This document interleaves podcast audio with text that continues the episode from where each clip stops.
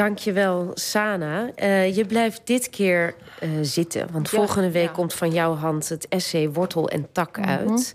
Daarin volg je het spoor van je vader, die hier ook al uh, ter sprake kwam. Diep de Oeral in, het hart van Rusland. Voordat hij jouw vader werd eigenlijk.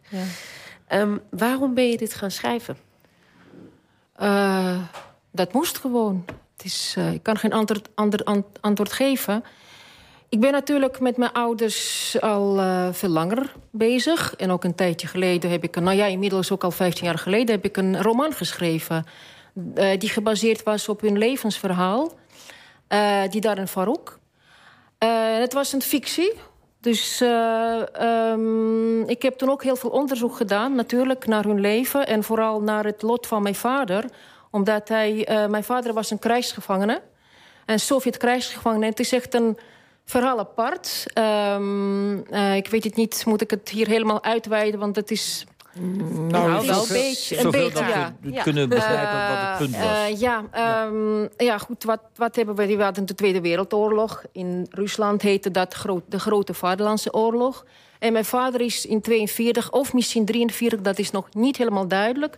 krijgsgevangen genomen in West-Rusland in de buurt van Smolensk. En ik weet niet of mensen hier weten, maar het, hele krijgsgevangenenverhaal is, uh, is iets ongelooflijks. Want uh, in de nieuwste geschiedenis uh, is dat... Nou ja, nee, ik begin daarmee dat er ongeveer 5 à 6 miljoen Sovjet-krijgsgevangenen bestonden... waarvan 57 procent zijn omgekomen... En het komt omdat ze door Stalin dus totaal in de steek waren gelaten. Want Stalin en, en zijn regering wilden geen uh, conferentie van Genève ondertekenen. Ze waren geen lid van het Rode Kruis. Die waren totaal aan hun lot overgelaten. Dat is dus... Uh, en van de kant van Hitler. Uh, Hitler had een hongerplan. Oh, hij wilde eigenlijk van die krijgsgevangenen af. Dus ze kregen niks. Ze, werden, eigenlijk, ze als vliegen aan ontberingen en honger. Uh, slachtoffers van twee dictaturen noemen ze, noemen ze. Dus mijn vader was een van die mensen. En dat wist ik heel lang niet, want uh, omdat hij dus... Uh, mijn vader heeft een gigantisch traject... Um, um, toen hij gevangen werd genomen... is hij op een gegeven moment... Ehm, in, in een kamp, in zo'n krijgsgevangenenkamp terechtgekomen. En, en daar vandaan, om niet te sterven is hij, was hij bij de Duitsers aangesloten. En ergens waarschijnlijk eh, in het, als in een arbeidsbataljon zijn ze ter, gestuurd naar Normandië. Naar de Atlantiekwal, hè, waar dus dat, dat gebouwd moest worden. En na de D-Day is hij uh, gevlucht samen met zijn makker. Zijn ze gevlucht, want ze wisten er, ergens waar Amerikanen waren geland. En die kant op gingen ze. En daar zijn ze dus bij de Amerikanen terechtgekomen. En daar heeft hij een postje bij de Amerikanen gewerkt. Oh ja, dat is interessant. Misschien want je hebt iets gevonden ik van heb iets hem, gevonden, toch? Ja, uh, want ik was natuurlijk voor de roman was ik, was ik een, en was een hele periode van onderzoek vooraf geweest. Omdat het een gigantisch onderwerp was. Ik wist heel weinig ervan. En uh, toen ben ik, uh, mm, dat waren eigenlijk alleen maar zwarte gaten. Toen ben ik toch naar Normandië gegaan om te kijken, gewoon om die lucht op te snuiven. Kijken, wat is dat? waar, hij moet daar ergens gelopen hebben gezeten zijn. Dus wij zijn naar die stranden en alles, want jullie weten het allemaal.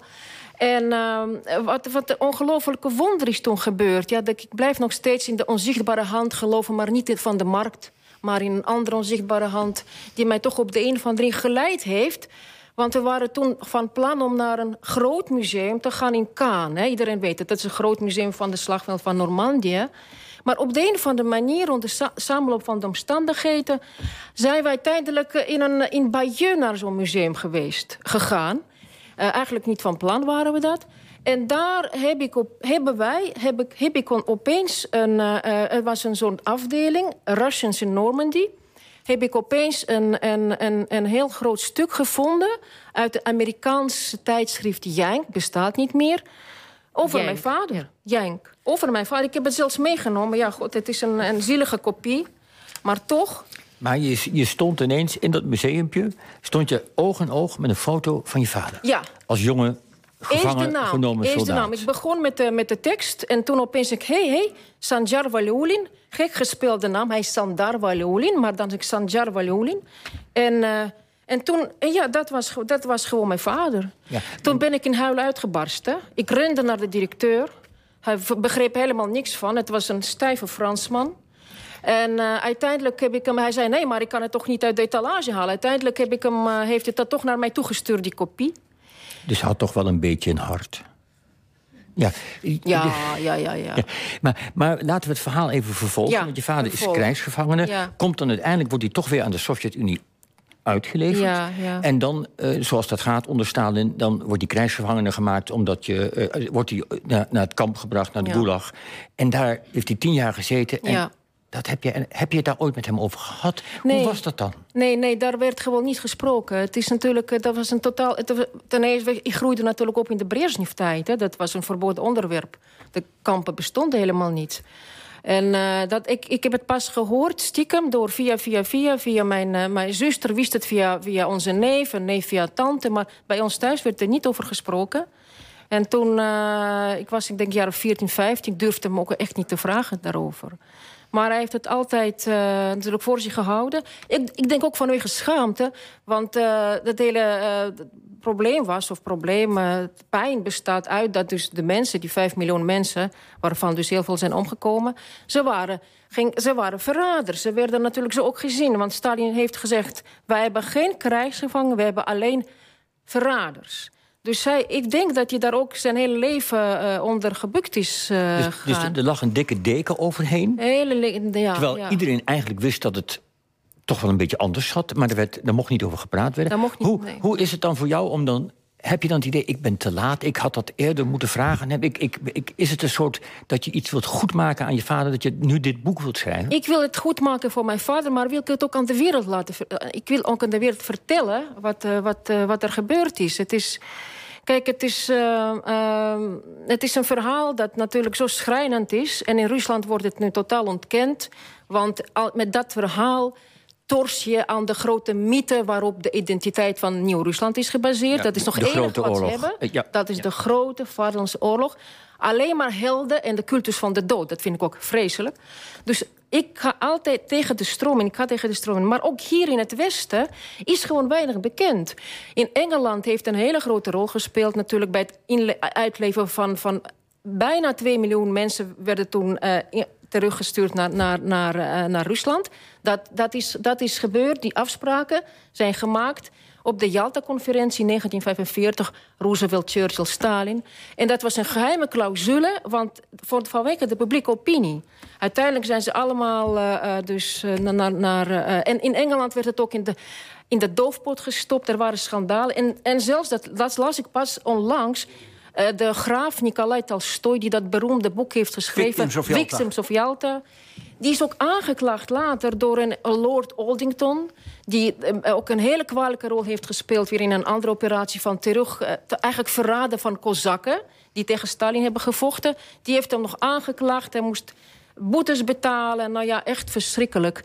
En uh, dit doet mij pijn. En, want het gaat niet alleen om mijn vader. Het gaat over de 5 miljoen ja, arme slobbers... waarvan ook de namen niet eens bekend zijn. Ja, dus eigenlijk wil jij een, met het monument, monument voor je vader oprichten ja. als waarde, wat ook een monument is voor die 5 ja. miljoen ongeziene ja. en, en, en laten we zeggen verwaarloosde Russen. Ja, ja, naamloze Russen. Want ik was, ik was twee weken geleden was ik naar de nieuw monument gegaan van de Holocaust in Amsterdam. Uh, en ik. Ja, Sana, je, je wordt ik even stil. Ik zag gewoon al die namen want, want, en, en ik dacht.